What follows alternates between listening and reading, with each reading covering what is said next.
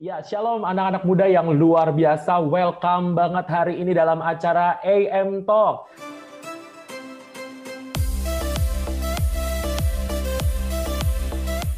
Nah, seperti biasa nih teman-teman, AM Talks ini akan ngomongin banyak hal tentunya yang memberkati anak-anak muda yang ada di gereja lokal kita, bahkan untuk semua anak-anak muda yang lagi menyaksikan tayangan ini.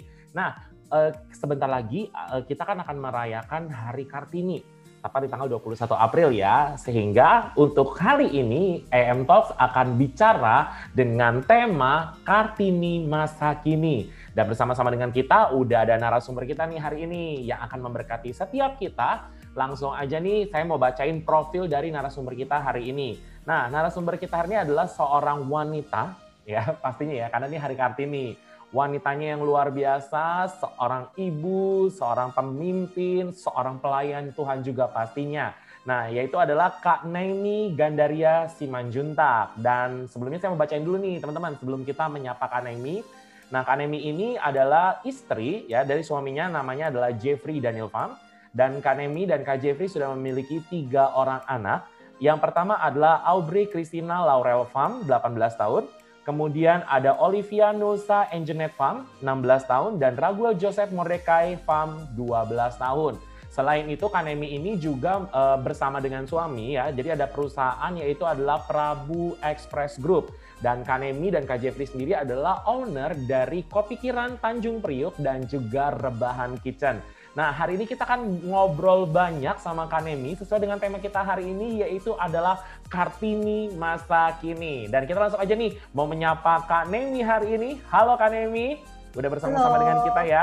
Ya oke okay, Kak, kabar baik Kak? Baik, puji Tuhan. Yes, lagi sibuk apa nih Kak Nemi hari-hari ini? Sibuknya uh, nggak enak nih ngomongnya. Waduh, nggak enak nih. Sibuk apa nih kira-kira? Ya, saya baru-baru ini lagi sibuk main saham ya.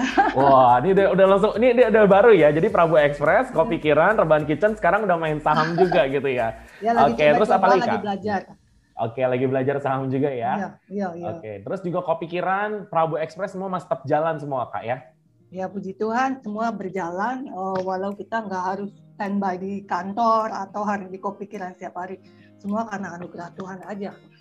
yes, luar biasa banget. Oke nih Kanemi, langsung aja nih tanpa panjang-panjang kita mau ngobrol nih Kanemi. Nah, hmm. Kanemi kan uh, temanya hari ini itu adalah Kartini masa kini, gitu ya. Nah, hmm. Kanemi boleh nggak sih cerita share sama kita nih? Yang pertama adalah uh, cerita tentang perjalanan kehidupannya Kanemi nih. Karena kita sempat dapat uh, bocoran nih Kak, Kanemi tuh sempat uh, apa namanya?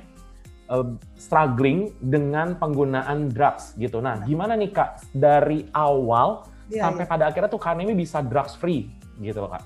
Iya iya. Uh, ya, uh, terima kasih buat kesempatan yang diberikan pada saya untuk saya bersaksi buat teman-teman semua. Kiranya Tuhan pimpin, Roh Kudus pimpin, apa yang saya sampaikan ini boleh menjadi berkat bagi teman-teman semua Amin. yang menonton ya. Ya, uh, jadi uh, sejak kecil itu SD aku uh, ya sekolahnya di SD Beta loh. Oh, nah SD Beta juga ya kayak? ya, ya sekolah. okay. Dari kecil, dari kecil aku udah uh, sekolah minggu, sekolah minggu di hmm. Betel, terus SD-nya juga di Betel di tempat gereja kita di GBI Shalom okay. di Tanjung Priuk. Ya sebenarnya basicnya udah bagus ya SD ya, hmm. uh, sekolah Kristen. Tapi begitu SMP, aku masuk SMP 129 SMP negeri, hmm. di mana di situ ya kalau dibilang ya ya lokasinya di Warakas ya. Mungkin teman-teman okay. yang tahu Warakas Tanjung Priuk ya. Yeah. kalau kalau Tanjung Priuk memang dulu kan image-nya gimana gitu ya. Kurang baik lah gitu ya. Nah katanya Briong daerah Briong ya terus uh, waktu itu aku sekolah SMP di 129 negeri Warakas.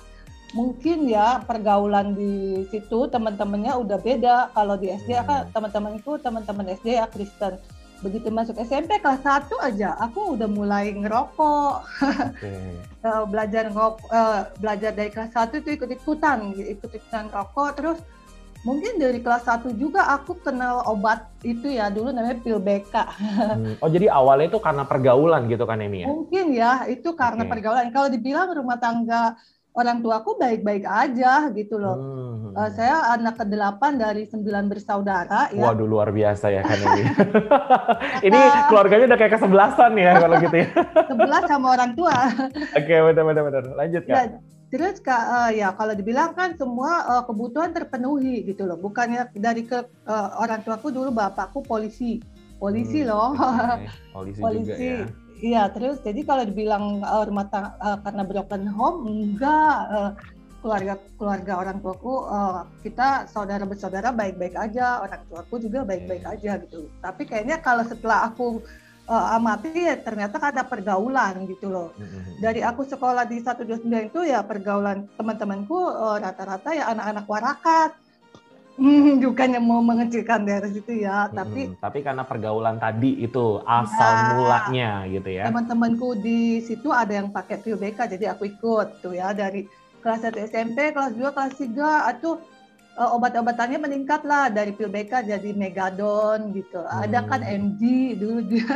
Iya, iya. Aku, aku pakai dan itu uh, jadi kebiasaan setiap hari gitu loh. Jadi aku nyari terus tuh obat-obat itu setiap hari jadi kalau dengan di, dosis yang terus tambah gitu kan nih berarti ya? Uh, waktu dari SMP sampai ya uh, kalau dibilang tambah banyak juga enggak, tapi pokoknya setiap hari itu kayaknya nyari gitu loh untuk okay. obat-obat itu ya.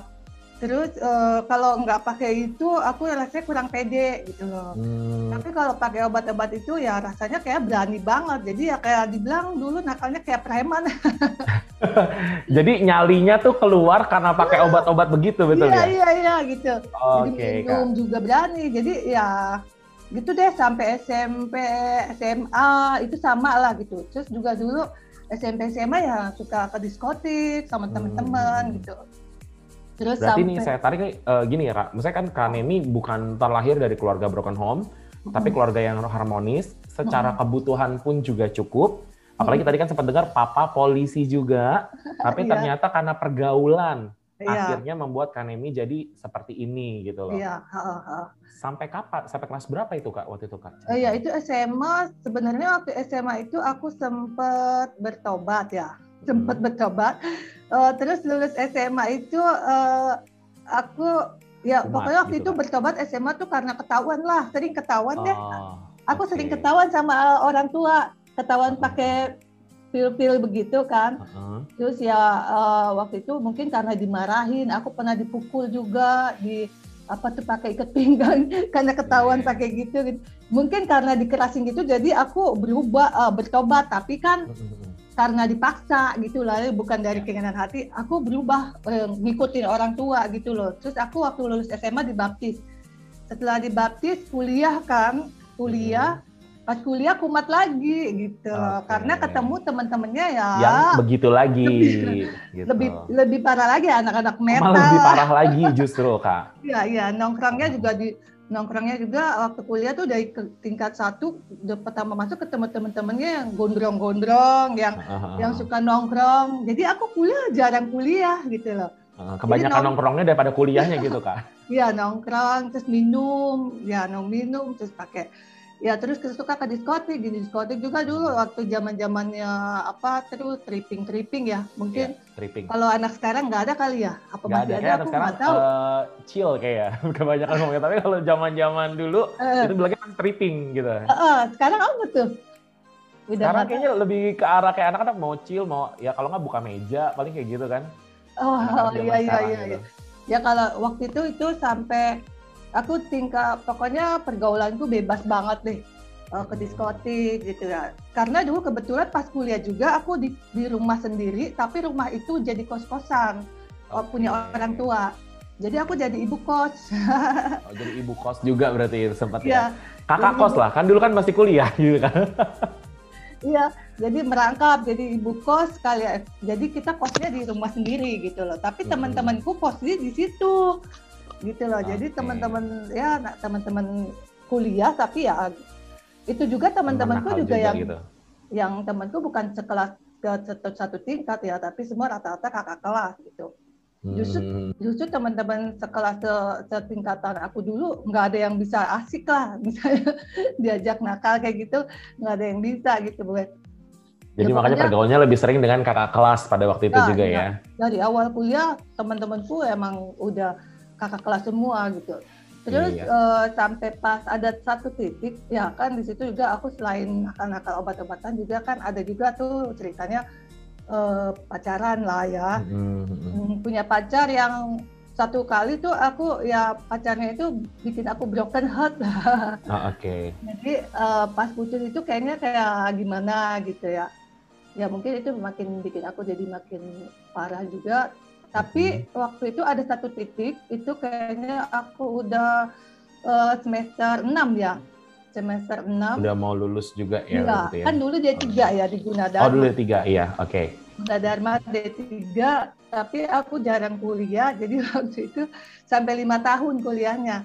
Oke, dia tiga biasa yang tiga tahun, jadi lima tahun gitu ya kayak. Iya, iya.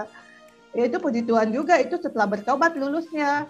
Kalau nggak bertobat okay. aku rasa mungkin nggak lulus lulus. Iya. Iya. ya jadi waktu pas semester 6 itu udah terakhir saya aku kan mikir kan, wah udah mau lulus kuliah, masa kita ah, masa saya masih gini-gini aja gitu loh. Ada satu titik tuh yang kita tuh terkejar dengan umur gitu. Lo pikir uh, nggak mungkin gini-gini terus. Akhirnya ya memutuskan oh, mau berubah gitu loh. Nah, ketika mau berubah, mau berhenti pakai pakai obat-obat itu, berhenti minum-minum tuh, ya di situ justru iblis uh, kayak keras, makin keras ya menggodanya gitu ada satu ritme yang uh, aku sempat ya memang nggak ngapa-ngapain misalnya nggak nggak ke diskotik lagi gitu. Tapi satu satu hari waktu itu ada temanku ngajak ngajakin aku uh, belanja ke pasar baru ceritanya. Dia bilang temenin gue yuk gue mau gue mau belanja. Jadi dia mau belanja baju terus ajak aku gitu. Loh nah waktu pas dia belanja baju di pasar baru ternyata abis itu dia ajak aku ke tempat temennya hmm. uh, gitu okay. tempat tempat temannya apa di apartemen uh, jadi tempat temennya pacarnya dia gitu loh jadi aku waktu itu ikut di apartemen itu dan ternyata di situ lagi pesta-pesta sabu lah gitu kali ya kalau dibilang lagi pesta ini ya semuanya ada gitu loh sabu-sabu, elsit, uh, ekstasi, minuman keras gitu. Nah itu semuanya aku coba aku pakai gitu loh. Padahal waktu Memang itu kondisinya gak, sudah nggak pernah ke diskotik, udah nggak iya, pernah total gituan lagi ya? Iya iya iya. Terus ya tanpa disengaja lah, aku akhirnya ikut ke apartemen itu ke tempatnya temennya temenku. Terus dia kasih lah itu, oh, ya macam-macam lah itu ada beberapa orang gitu. Ya. Hmm. Terus suatu waktu aku kayaknya rasanya kayak udah nggak kuat gitu waktu di tempat itu. Terus aku bilang, kayaknya gue udah kebanyakan deh gitu kan. Ngomong sama temenku, kita pulang yuk kayaknya udah nggak gua nggak udah nggak kuat tuh rasanya tuh udah agak gimana ya aneh gitu badannya. Agak sesak juga tapi juga yang gimana gitu. Akhirnya uh, aku bilang temanku pulang dia nggak mungkin pulang dong kondisi kayak gitu. Dulu juga kan aku kalau pulang juga pulangnya ke Depok kan. Oh, di, jauh juga ya berarti rumah iya bah jauh memang. Akhirnya mereka uh, ngajakin ke hotel. Waktu hmm. itu di. Mangga Dua deh. Terus temanku yang bukan hotel ada cowoknya dia sama cowoknya aku sendiri. Jadi kita bertiga. Nah di di uh, di hotel itu ya aku bawa tidur kan karena rasanya udah nggak enak gitu kan. Aku bawa tidur gitu ya aku bawa merem. Bawa merem terus rasanya tuh kayak plong gitu loh. Waktu aku merem tuh kayak rasanya plong. Padahal kan sebelumnya kan aku pulang tuh karena udah nggak enak sesak ya yeah. agak sesak nih ada pas aku merem itu enak gitu. Kayak terbang terbang melayang-layang gitu kayak sejuk kayak gitu, gitu ya. Iya, iya tuh itu lorong banget gitu. Aku sambil terbang tuh kayak terbang di lorong gitu ya, masuk hmm. lorong panjang gitu. Tapi gelap, namanya kayak orang merem kali ya. Tapi akhirnya waktu itu kalau aku pikir ah gelap mulu lo nggak enak gitu ah aku mau lihat terang gitu loh aku pengen ngeliat terang pas mau buka mata gitu perasaanku mau buka mata nggak bisa gitu loh aku udah buka paksa buka mata pengen ngeliat terang lah bosen lah gelap mulu gitu. Hmm. Aku buka mata nggak bisa bisa. Aduh, terus aku mikir gitu ya, Tuhan, aku nggak bisa nih, kok aku nggak bisa buka mata gitu ya. Jangan-jangan aku mati nih gitu.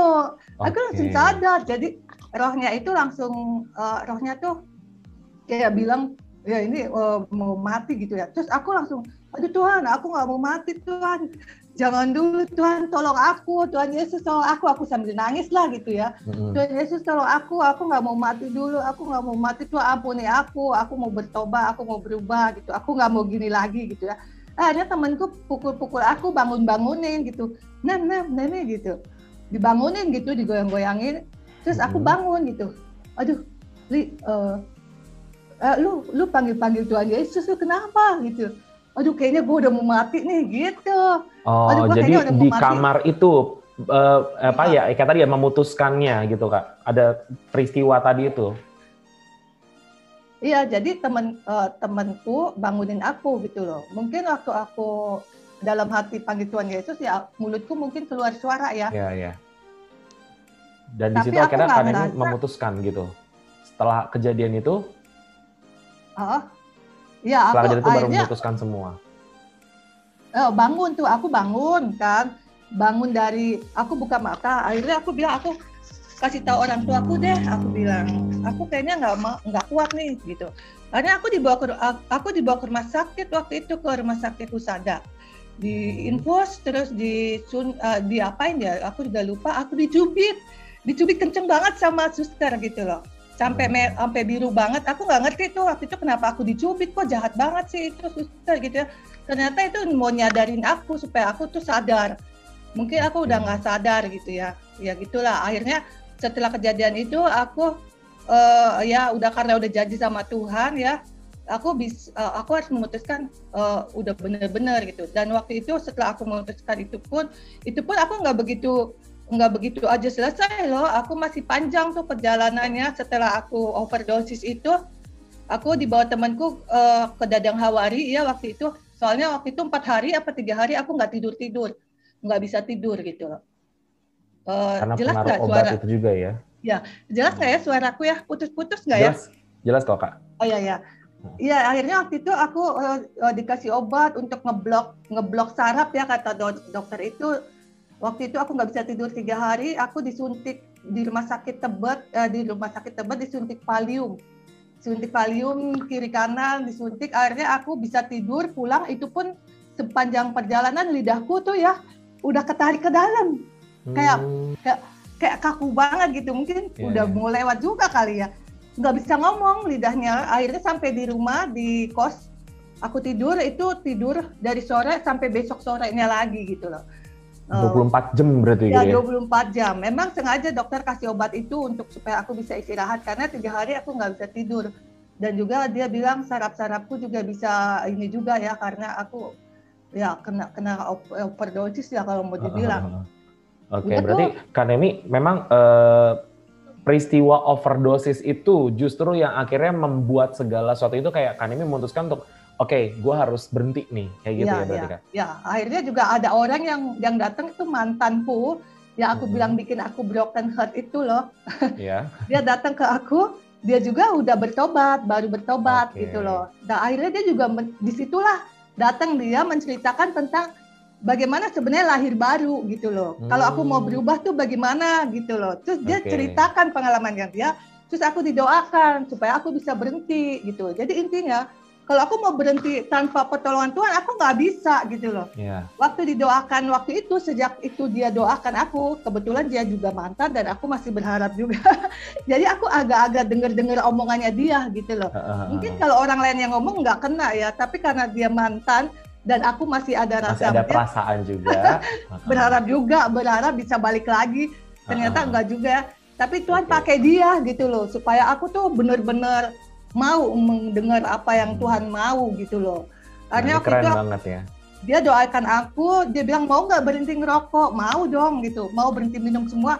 Ya udah itu cuma pertolongan Roh Kudus aja yang bisa membuat kamu berhenti semuanya. Kalau kita secara manusia nggak bakalan bisa gitu. Wow. Udahlah sejak dia doain itu, aku berhenti ngerokok, langsung berhenti ngerokok. Langsung stop gitu ya? Iya. Uh, uh.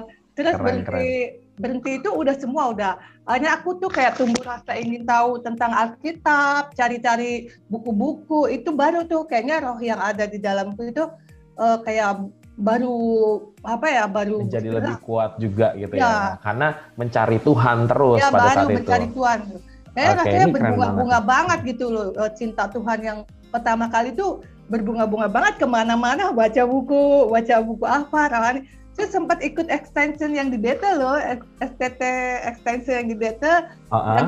yang kirim-kirim surat, ujiannya dikirimin gitu loh. Oke, okay. berarti sempat ambil sekolah-sekolah teologi lah ya, ya kayak ya, gitu ya, ya kan tapi ya? yang sebentar-sebentar ya. Oke, okay. nah ini keren banget nih teman-teman ya semua ya. Dari hari ini pembicaraan Kanemi yang pertama adalah kayak tadi uh, faktor untuk ke situ ternyata sebenarnya banyak gitu kan. Orang kan pada berpikir kalau pakai drugs itu pasti karena keluarganya broken home, karena misalkan kayak dia kekurangan uang, tapi ternyata enggak gitu loh. Dan kedua adalah cara Tuhan merubah itu luar biasa. Bener ya kan Emi ya? Iya. Harusnya kayaknya secara manusia ini udah nggak bisa lagi. Tapi ternyata Kanemi bisa berubah karena tadi Tuhan mengirimkan seseorang yakni ya mantannya tadi juga ya. Berarti kayaknya hmm. dari sini kita juga bisa bilang dong Kanemi, nggak semua mantan itu buruk, betul nggak?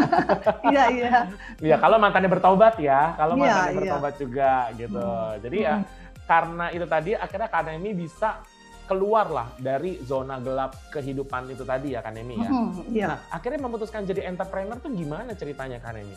Ya awalnya aku uh, setelah aku selesai kuliah ya, setelah aku bercoba aku selesai kuliahku, selesai lulus, ya dapat ijazah lah ya. Terus aku ngelamar kerjaan, aku diterima beberapa berapa kali kerja, aku keluar sampai satu hari aku kerja di satu perusahaan yang ya di situ ada Pak Jeffrey-nya gitu loh. Oke, ada Jadi aku ya, uh, ketemu Jeffrey di perusahaan kita bekerja tahun 2000.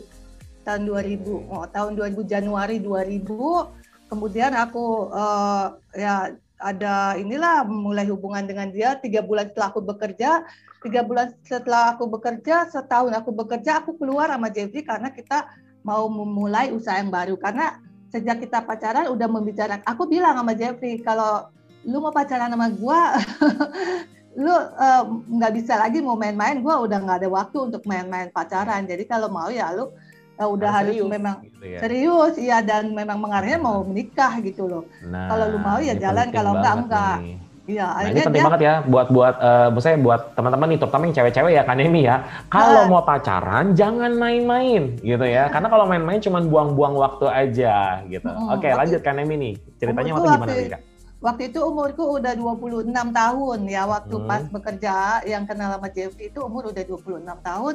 Terus akhirnya uh, dia mau untuk membangun hubungan ya waktu baru-baru pacaran udah ngomongin langsung mau menikah juga. Jadi Waduh, kita udah luar biasa nih. planning planning planning akhirnya ya udah kita nggak ada duit nih kalau mau menikah gitu kan. Uang gaji hmm. kan nggak cukup. Orang tua juga kita nggak mau ya uh, memberatkan gitu nggak ya mau, jadi gitu. ya kita ber, ber, ya dengan uh, apa anugerah Tuhan kita memulai usaha gitu loh. Uh, di bulan Januari 2001 akhirnya kita keluar dari tempat pekerjaan kita dan kita memulai demi untuk mencari uang untuk bisa menikah gitu. Berarti awalnya itu karena mau cari dana untuk menikah iya, pada itu ya kan Iya ya? itu. Oke. Okay. malah nah, kita udah banget. pikir kalau nggak ada duit udah kita kawin di depan rumah aja bikin tenda.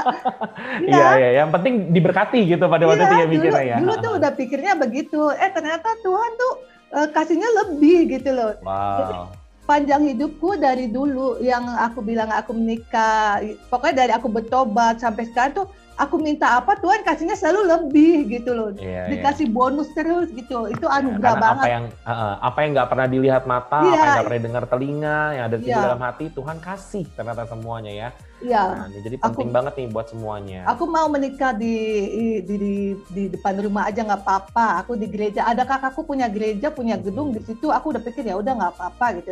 Ternyata Tuhan di, akhirnya kita usaha satu tahun, kita udah langsung berhasil. Puji Tuhan ya kita memulai usaha kita dengan doa, berdoa bersama, menyerahkan supaya Tuhan yang pimpin gitu.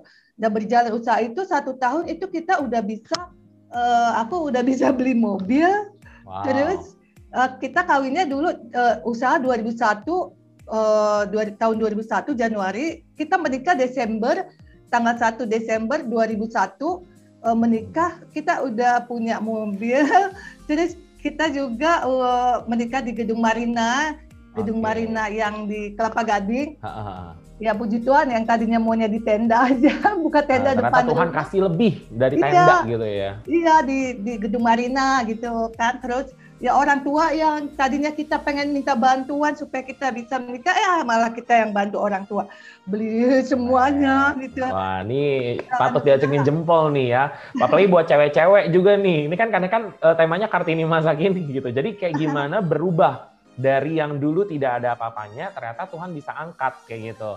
Dan yeah. ini penting banget nih buat teman-teman semua uh, dari cerita Kanemi ini bagaimana proses uh, menjadi entrepreneur karena itu kita masih tahu juga ada orang-orang yang dukung kita, betul ya? Jadi ya, kalau ya, ya. misalkan bangun hubungan, kalau misalkan kalian pacaran, please carilah cowok-cowok yang memang punya visi ke depan. Jadi jangan cuma sekedar pacaran doang, yang kayak cuma nonton tiap malam mingguan doang gitu kan. Atau misalkan cuma ya kita mikir mau makan di restoran mana. Nah, tapi harus lebih serius. Ya, jadi kayak Kanem ini keren banget berdua dengan Kak Jeffrey akhirnya start memulai bisnis di 2001 betul ya kan Emi ya? Ya Januari 2001. Wah ini keren banget nih. Dan selama dari 2001 ini kan sampai hari ini nih kan Emi ya? Iya. Uh, proses jatuh bangunnya gimana sih kak? Pernah nggak sih ngerasa di kan namanya usaha kan pasti up ya, and iya. down gitu. Aduh nah, banyak banget ada ya. Ada nggak pernah kak yang masa-masa downnya itu kapan dan gimana cara move onnya lagi kak? Uh, ya waktu masa-masa downnya itu uh, ketika aku ada masalah ya kita kan bergerak di bidang freight forwarder gitu ya. Dan kita ngirim barang itu kita kasih vendor ya namanya vendor. Nah ketika vendor kita jadi yang ngirim tuh bukan aku gitu loh bukan kita. Kita hmm, cuma tapi ada pihak ketiga gitu ya? Iya iya. Ada orang yang kirim barangnya. Nah barang yang waktu dikirim itu uh, bermasalah lah waktu itu sama vendornya gitu loh. Hmm jadi kita ikut bermasalah dong, barang customer kita belum pada keluar gitu kan. Kan barang kan dari luar kan. Dari luar negeri. Akhirnya ya pokoknya yang kayak gitu tuh uh, kita pikir aduh udah bakalan tutup deh nih perusahaan hmm. gitu kan karena karena rugi gede ya, gitu ya. Barang-barang di situ, barang-barang punya customer tuh banyak nilainya waktu itu 8 M ya. Wow. Dan kayaknya kita uh, memang ya di posisi yang kita memang udah nggak bisa apa-apa gitu loh jadi kita udah siap rugi lah sekian uh, sekian ya. Akhirnya ya udah saya juga udah pasang nggak apa-apa deh kalau harus jual ini itu untuk ganti barang customer gitu. Akhirnya malah uh, ya uh, ada aja jalan uh, kita diketemukan dengan pengacara yang teman SD juga man, uh, hmm. teman SD jadi kita waktu itu pakai pengacara uh, kita selesaikan dengan perusahaan-perusahaan yang itu. Akhirnya pokoknya kita ber, uh, nggak harus mengganti barang itulah gitu. Jadi di hmm. posisinya kita memang sama-sama salah gitu loh. Hmm. Jadi kita nggak bisa menuntut uh, uh, customer nggak bisa menuntut saya, saya juga ya nggak bisa menuntut. Gak bisa menuntut juga ya. Jadi itu kalau dibilang ya uh, apa ya kecelakaan lah gitu loh, kayak jadi kayak gitu gitu loh. Ya pokoknya uh, kita bisa melalui itu akhirnya kita bangkit lagi. Terus juga ada masa-masa yang saya juga ikut-ikutan investasi. investasi saya juga kayak jadi kena ini ya kayak kalau dibilang ya ketipu ya ada juga ketipu tapi kita juga bego juga gitu mau untung besar gitu. Jadi itu juga lumayan juga itu drop masalah materi ya itu ya yeah. dalam usaha ya ya. Tapi itu uh, semua tetap nggak bikin kita jadi jatuh terus harus tutup perusahaan karena itu pokoknya kalau melihat pertolongan Tuhan banyak banget deh cara Tuhan. Sampai kita masih tetap berjalan sampai hari ini gitu loh. Mm-hmm. usaha kita masih ada dan masih terus berjalan gitu puji Tuhan. Itu pasti semua berkat campur tangan Tuhan aja sih gitu. Oke, nah ini keren banget ya. Berarti ternyata kan e, banyak banget up and down-nya namanya bangun usaha sendiri ya banget, gitu ya. ya. Bahkan kerja pun juga kalau misalkan kerja sama bos ada up and down. Kalau bosnya lagi down kan kita juga sebagai karyawan yang akan ya, kena ya, dampaknya ya. juga. Tapi ternyata Kak Nem ini bisa tetap e, apa ya, tetap berdiri kuat. Nah, dan pertanyaannya sekarang gini Kak, Nemi kan bangun usaha. Otomatis hmm. Nemi adalah pemimpinnya juga. Ya, Pernah nggak nih Kak dapet apa ya omongan sinis atau omongan negatif atau diremehkan gitu kak sama karyawan-karyawan atau mungkin bahkan sama partner-partner kerjanya Kanemi sendiri gitu kak? Hmm, kayaknya sih uh, apa ya nggak nggak pernah juga sih. Nggak pernah juga ya. Tapi kalau iya, iya. omongan gitu kayak misalnya, aduh cewek, aduh nggak bisa lah, maksud gitu. Oh, uh, kalau ngecilin maksudnya kalau sama karyawan karyawan sih enggak ya karena aku memimpin perusahaan berdua sama Jeffrey ah, jadi kita okay. bukan aku sendiri yang memimpin ya tapi memang uh, kalau aku lebih kalau kalau dalam kepemimpinan aku aku lebih lebih ke apa keibuan ya apa sih mm -hmm. merangkul lah karyawan-karyawan yeah. itu gitu dengan mengasihi mereka kalau Jeffrey mungkin dia lebih tegas gitu lebih tegas mm -hmm. uh, lebih strict ya. Tapi kalau nanti kalau dia punya agak gimana, nanti aku yang ngituin karyawan. Misalnya ini kalau karyawan ya. Jadi kita selalu menyeimbangkan gitu loh. Jadi karyawan ngerasa mereka ya dikasihi, bukannya uh, apa kalau ya aku yang bagian memperhatikan mereka lah. Gitu. Oke, okay. tapi pernah nggak sih kan ini kalau misalkan kayak dikecilin, dire, ya diremehkan lah kayak tadi gitu, sama mungkin kayak partner atau mungkin uh, kayak kalau karyawan kan mungkin enggak lah ya kan, soalnya kan dia masih kerja sama kita, ya kita juga yang gaji gitu. Tapi kalau iya makanya pernah iya, nggak iya. menerima yang kayak tadi masalah kayak dikecilin, aduh kayaknya uh, perusahaannya beginilah, oh ini kayaknya anak baru lah gitu. Pernah nggak sih kan selama membangun bisnis itu? Hmm, enggak sih aku. Enggak ya berarti ya. yang ada yang ada yang yang ngecilin tuh suami sendiri. oh gitu. Tapi ya berarti kan itu ada ya. Maksudnya kayak tadi ada ada ada uh, apa nah, ya? Maksudnya kayak masa-masa masa-masa ya kayak tadi. Nah, dapat itu dari orang-orang yang tidak disangka-sangka kayak gitu ya. Tapi kalau misalkan Kanemi dikecilin sama orang gitu, apa sih yang uh, Kanemi lakukan atau misalnya yang uh, gimana caranya supaya Kanemi nih uh, ngelola ya karena kan cewek kan biasa kan pakai perasaan gitu ya. Ketika hmm. dia dikecilin ketika dia diremehkan itu kan cewek-cewek biasa lebih kayak emosionalnya lebih gimana oh, gitu. iya, nah iya. gimana caranya kak? Ya kalau kayak kayak gitu. sih aku uh, aku menyadari ya kalau ya mungkin mungkin aku emang uh, ya masih ada kekurangan gitu loh. Akhirnya ya paling kita ya cuma bisa bilang ya lu lihat aja lah nanti gitu loh kalau misalnya hmm. ada orang ngecek kita ya kita lihat aja nanti gitu maksudnya uh, lu jangan cuma misalnya ada anggapan kayak gitu kita buktikan aja lah gitu loh kalau okay. aku gitu terus ya pastinya kita minta pertolongan Tuhan ya untuk betul, bisa betul. membuktikan bahwa ya kita itu tidak seperti yang dianggap mereka gitu loh hmm. Ini keren banget nih. Ya kita minta pertolongan Tuhan, Tuhan yang bela. Tapi ya selama berjalan ini ya uh, puji Tuhan ya uh, Tuhan bela semua. Ya contohnya sih aku gini paling ada karyawan-karyawan yang keluar dari perusahaan dan dia membuka sendiri gitu kan. Okay. Ada juga yang mereka akhirnya juga ambil-ambil customer kita atau apa mm -hmm. gitu. Hmm, hmm. Yang kayak kayak gitu paling yang yang aku alami gitu. Tapi Tuhan bela gitu loh. Dari semua yang mereka lakukan itu tidak membuat usaha kita jadi down gitu. Tapi Tuhan memang berkat Tuhan beda ya. Maksudnya kalau Tuhan ya. memberkati, kalaupun ada orang-orang yang mau mencurangi atau mm-hmm. orang-orang yang mau ini kita gitu, Tuhan yang tolong dan itu yeah. tidak mengurangi berkat kita gitu. Oke, okay. nah ini keren juga ya teman-teman ya. Jadi ada satu hal yang saya tangkap juga nih Kanemi. Kalau misalkan kalau ada kalian nih direndahkan atau diremehkan sama orang lain, ya udah kalian tinggal buktikan dengan kesuksesan kalian. Tentunya iya. tadi mencapai kesuksesan tersebut itu harus uh, minta pertolongan Tuhan. Iya. Karena jatuhnya kalau nggak minta pertolongan Tuhan, akhirnya kita jadi sombong juga kan ini betul ya? Iya. Betul iya. banget. Nah, aku nggak pernah banget tuh kalau ngandelin diri sendiri. Selalu dalam segala hal, dalam usaha, dalam apa pun ya, aku selalu minta pertolongan Tuhan sih. Teman-teman ya kalau misalnya untuk teman-teman semua gitu ya, pokoknya dalam segala apa pun andalkan Tuhan lah. Gitu. Jangan yes. merasa kita mampu sendiri. Aku enggak nggak pernah ngerasa semua karena aku mampu aku sama sekali nggak. Semua makanya aku bilang mintanya mintanya apa Tuhan kasihnya lebih gitu loh. Jadi apa yang aku buat gitu kan semuanya berkat Tuhan kok gitu. Ya, ya.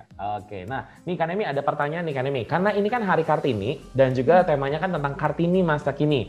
Nah, saya mau nanya nih sama Kanemi nih. Menurut Kanemi gimana sih uh, tentang peran perempuan akhir-akhir ini atau saat-saat ini gitu kan? Uh, perempuan itu yang aku tahu sesuai firman Tuhan ya kalau perempuan itu adalah uh, penolong gitu ya penolong yeah. bagi suami kalau yang udah berumah tangga tapi uh, kata penolong itu jadi aku pikir ya kita itu uh, lebih kuat kali ya dari betul. Yang namanya penolong tuh pasti lebih kuat dari yang lebih, ditolong. Iya lebih kuat dari laki-laki. Uh, ya. Secara mungkin, mungkin secara apa ya nggak secara fisik. Kalau secara fisik wanita itu udah pasti lebih lemah ya. Oh kalau kita sama suami dibentak aja kita udah oh, gitu ya. Tapi uh, secara apa ya secara hmm, semangat atau mungkin spirit ya Kekuatan lah ya spirit betul uh, spirit uh, terus ya kita juga nggak gampang putus asa lah gitu jangan kita sebagai perempuan ya kita harus tahu bahwa jangan jangan gampang putus asa gitu loh. Dan juga jangan merasa oh karena misalnya kalau dalam bekerja misalnya oh itu tugas laki-laki misalnya mencari uang bekerja.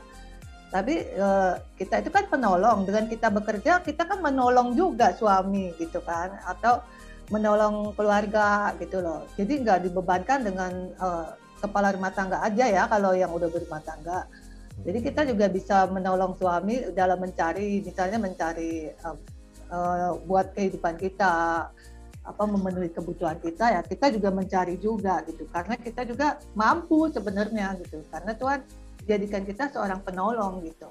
Yes. Oh, nah itu penting ya. Jadi teman-teman tadi udah dibilang juga nih sama kan ini peran perempuan hari itu gimana? Sebenarnya berarti kalau yang saya tangkap nih kan ini kesimpulannya ya perempuan itu adalah tetap sama pentingnya, betul ya kak? Dan ya, uh, punya sepadan kan, uh, sepadan. Tuhan bilang ya, kan? sepadan. Nah, sepadan. Jadi misalkan uh, sepadan di sini adalah teman-teman ini sebenarnya yang wanita-wanita ya, yang perempuan-perempuan ini adalah seorang penolong buat sekelilingnya juga. Jadi kalau misalkan ada yang bilang perempuan itu lemah, ya kan e, cemen, nggak berdaya, sebenarnya nggak seperti itu teman-teman. Karena firman Tuhan bilang kan tadi perempuan itu, wanita itu adalah penolong bagi pria. Nah, seperti yang tadi diskusi kita ya sama Kanemi juga ya, bahwa yang namanya penolong itu ya harus lebih kuat dari yang ditolong. Betul nggak? Hmm. Kalau iya. misalkan yang nolong nggak lebih kuat dari yang ditolong, otomatis ya kita nggak bisa nolong. Jadi kayaknya yang yang kuat itu harus secara kuat secara rohaninya ya, oh, maksudnya. Ya, kuat secara kerohanian juga. Roh, iya, maksudnya kuat itu kuat dalam mentalnya, kerohaniannya gitu. Kalau nggak kuat kan orang kalau ya bisa ditindak atau bisa stres malah ya kalau menghadapi kehidupan sekarang itu wanita itu kan banyak kan um, mentalnya lemah ya. Uh, ada ada tuh uh, temanku cerai ya, cerai dari suaminya itu ya. dua orang loh, gila stres jadi gila karena nggak bisa ketemu anaknya gitu loh.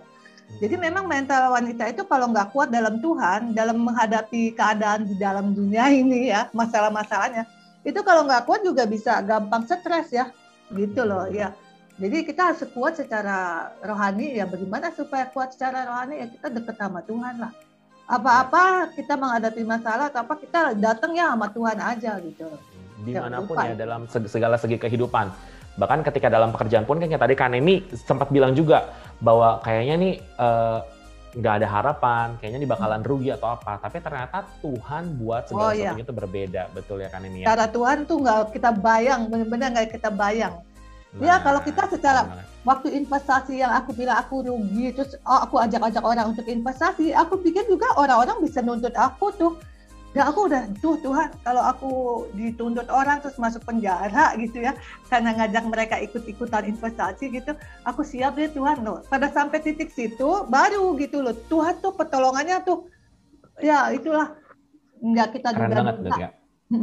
Luar yes. biasa. Nah, itu dia tadi. Berarti artinya sekali lagi teman-teman, semua perempuan yang hari ini lagi nonton atau cewek-cewek yang lagi nonton ini, ingat peran kalian itu penting banget.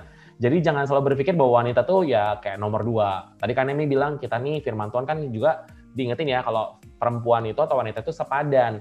Artinya kita uh, sebagai perempuan, maksudnya teman-teman sebagai perempuan gitu ya, itu punya peran yang sama pentingnya. Nah, nih Kanemi untuk menutup diskusi kita hari ini nih, saya pengen dong yeah. Kanemi boleh kasih tahu, maksudnya kayak harapan dan pesan untuk perempuan-perempuan masa kini. Nah, ini kan terutama teman-teman yang nonton nih masih banyak yang pemuda remaja. Oh, Ada iya. nggak sih Kak pesan dan harapan buat para wanita-wanita yang luar biasa ini Kak? Ya kalau yang ya wanita-wanita sekarang ya khususnya remaja pemuda gitu ya. Kalau saya juga punya anak kan juga udah remaja, udah pemuda ya. juga. Aubrey itu udah tahun ini 19 tahun ya. Okay. Jadi kalau saya pesan saya sama dia ya palingnya uh, jangan cepet-cepet mau kawin ya. Karena kayaknya itu fenomena banget ya nikah muda gitu ya. iya, jangan jangan mau aku, aku aja kan dulu kan menikah umur 27 tahun ya aku hmm. gitu.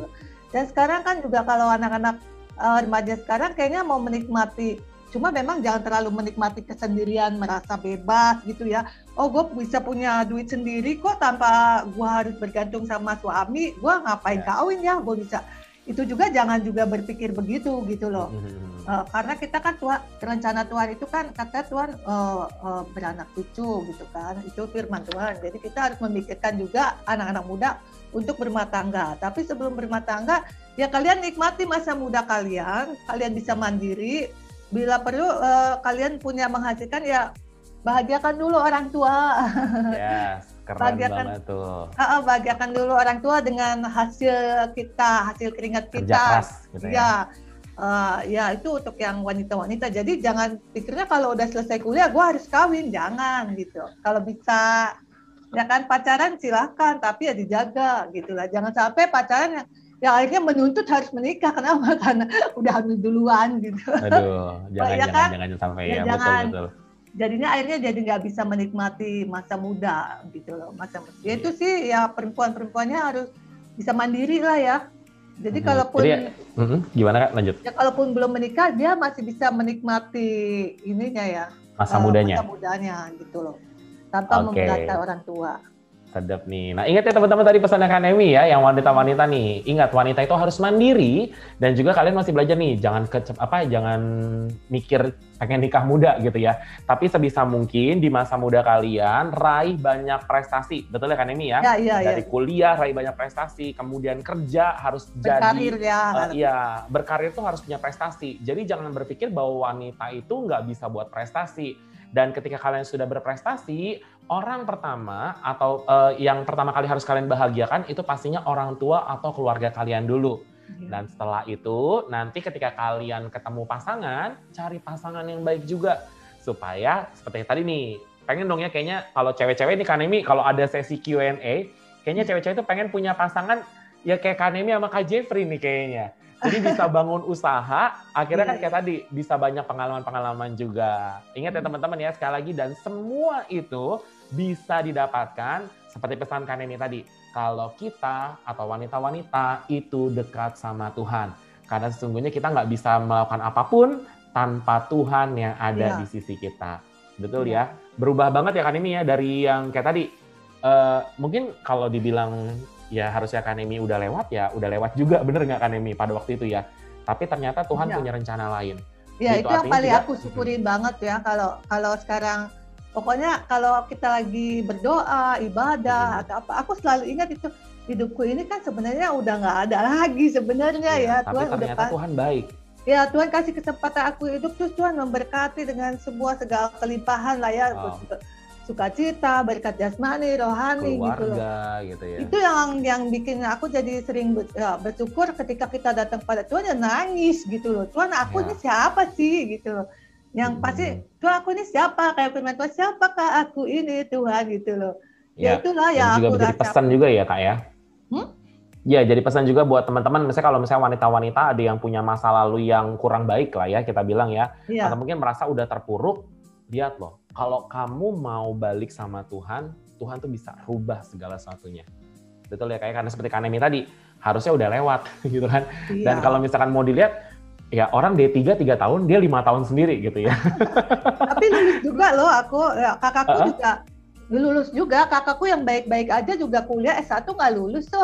Oh, malah ini kan Emi yang orang pikir kayak, ah ini kuliahnya Gak pernah kuliah. Gitu ya. ya kan, ternyata bisa gitu loh. Iya, Sekali lagi aku kembali. mau cerita tuh, ada ada satu kali ya, aku satu kali cerita, aku eh, nggak uh, ikut agama waktu kuliah, eh ikut okay. ikut agama. Tuh dosenku, aku datang terlambat, dosenku agak marah gitu loh Terus aku saking keselnya kan, aku balik lagi keluar, keluar uh, ninggalin kelas sambil banting pintu gitu loh.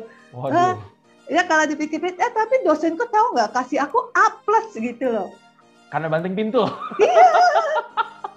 kasih karunia kan. Ya itu uh, aku bilang hidupku selalu uh, ada apa selalu di apa kasih karunia. Uh, iya, aneh ya itu. Makanya dengan begitu aku jadi bersyukur terus. Tapi bukan yeah. berarti teman-teman uh, belum Harus mendapatkan jadi dulu. Gitu ya, ya, belum mendapatkan lebih dari seperti yang aku bilang tadi terus jadi nggak bersyukur ya kita harus yeah. bersyukur dulu gitu aku kenapa bersyukurnya karena aku masih hidup harusnya aku tahun 98 aku udah nggak ada gitu loh hmm. Jadi kalau Tuhan panggil aku kapan aja, sekarang aku udah siap. Aduh, nih. Karena aku harus, udah di dalam Tuhan. Karena ya? udah dalam Tuhan, betul banget. Nah, jadi teman-teman ya, buat semuanya nggak mesti jadi rusak dulu juga, betul ya? Nggak mesti ya, jadi iya. rusak dulu untuk merasakan anugerah Tuhan. Karena ya. ketika kalian bisa kuliah, kalian bisa sekolah, kebutuhan semua terpenuhi, itu juga adalah salah satu bentuk anugerah Tuhan, ya, ya. ya. Dan ya. pada at the end, pada akhirnya, uh, ingat Kartini masih, sorry, Kartini masa kini itu adalah kalian-kalian semua para wanita-wanita yang luar biasa. Hmm. Dan ingat ya sekali lagi, kalau mau jadi luar biasa, jangan pernah lari dari Tuhan. Karena ketika kalian lari dari Tuhan, ya kayak tadi, kita nggak ada yang tahu hidup kita kayak gimana, kita jadi apa. Karena apa? Sekali lagi, Tuhan yang pegang kendali hidup kita. Thank ya. you banget Kak Nemi buat hari ini ya. ya Seneng ya, banget sama -sama. bisa ngobrol banyak. Nah, nah kalau Kayaknya misalkan teman-teman pengen, pengen panjang ya. Kayaknya Waduh. aku belum semua deh itu. Waduh, belum semua. Berarti artinya kalau belum semua nih kayaknya kalau misalkan ada teman-teman pengen uh, mungkin nanya atau mungkin sharing ya Kanemi ya. Kalau misalkan ya, ada boleh. nih teman-teman yang nonton uh, terus kayaknya kok saya berasa punya uh, apa ya kisah yang sama dengan Kanemi mau ngobrol hmm. mungkin lebih panjang lebar lagi. Kalian bisa langsung add Instagramnya kak eh follow follow follow Instagramnya Kanemi ya. Apa nih Kanemi Instagramnya? Nemi Simanjuntak. Nemi, nah, November Eho, Mama, Yankee, Simanjuntak. Oke, nanti bisa tulis di sini ya teman-teman ya. Jadi kalian bisa langsung DM Kanemi aja. Atau mungkin bahkan mau belajar bisnis bisa juga ya Kanemi ya. Boleh, belajar mau belajar saham. Ya. Mau belajar saham atau bisa belajar buka usaha juga bisa gitu. Ya, Tapi ya, yang ya, jelas adalah kita ha. berterima kasih banget. Ya. Thank you banget Kanemi sudah menjadi salah satu sosok inspirasi tentunya sebagai uh, hari ini ya karena lagi Kartini. Ya. Tapi Kanemi itu bisa ngasih tahu sama wanita-wanita, sama cewek-cewek yang lagi nonton bahwa Kartini masa kini itu tetap masih ada. Dan hmm. kalau bisa nih teman-teman nih, teman-teman semua adalah Kartini-Kartini masa kini. Dan buat cowok-cowok nih jangan berpikir, oh ini sesinya cewek-cewek. No, enggak. Buat cowok-cowok, carilah wanita-wanita yang tangguh. Seperti yang tadi Kartini bilang ya, wanita-wanita yang memang berharap sama Tuhan, wanita-wanita yang dekat sama Tuhan.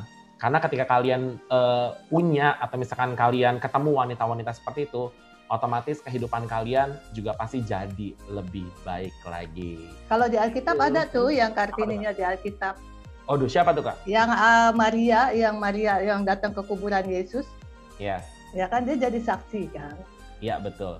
Ya, Dan itu seperti itu kartini-kartini juga ya. Iya, Tuhan pakai wanita-wanita untuk menjadi saksian uh, buat uh, apa kebaikan Tuhan lah tentang keselamatan itu ya seperti perempuan yang di mana tuh di Samaria yang itu kan juga iya, bersaksi.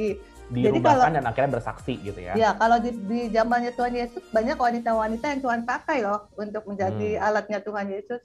Ya kan? Dan ya, dan Jadi itu saksi. tidak menutup kemungkinan juga teman-teman wanita-wanita yang lagi nonton, kalian juga mau dipakai Tuhan ya. untuk jadi saksi di mana pun Tuhan tempatkan. Ya, itu dulu. Mantap banget. Sekali lagi thank you banget Kak Nemi ya, hari ini sama buat waktunya. Ya. Sukses buat Prabu Express. Uh, sukses buat kopi kiran kamu Tanjung Priuk ya. ya. Sukses buat rebahan kitchennya. sukses juga buat sahamnya gitu ya dan juga sehat-sehat buat keluarganya amin, juga. Amin. Ya, Thank you ya. banget buat teman-teman yang udah stay tune hari ini uh, nonton AM Talk hari ini. Dan teman-teman kita akan ketemu kembali di Entox yang episode akan datang tentunya dengan tema-tema yang lebih keren, tema-tema yang lebih uh, relatable sama kalian anak-anak muda. Dan akhir kata saya Setiawan Arif pamit undur diri. Tuhan Yesus memberkati setiap kita. God bless you all. God bless.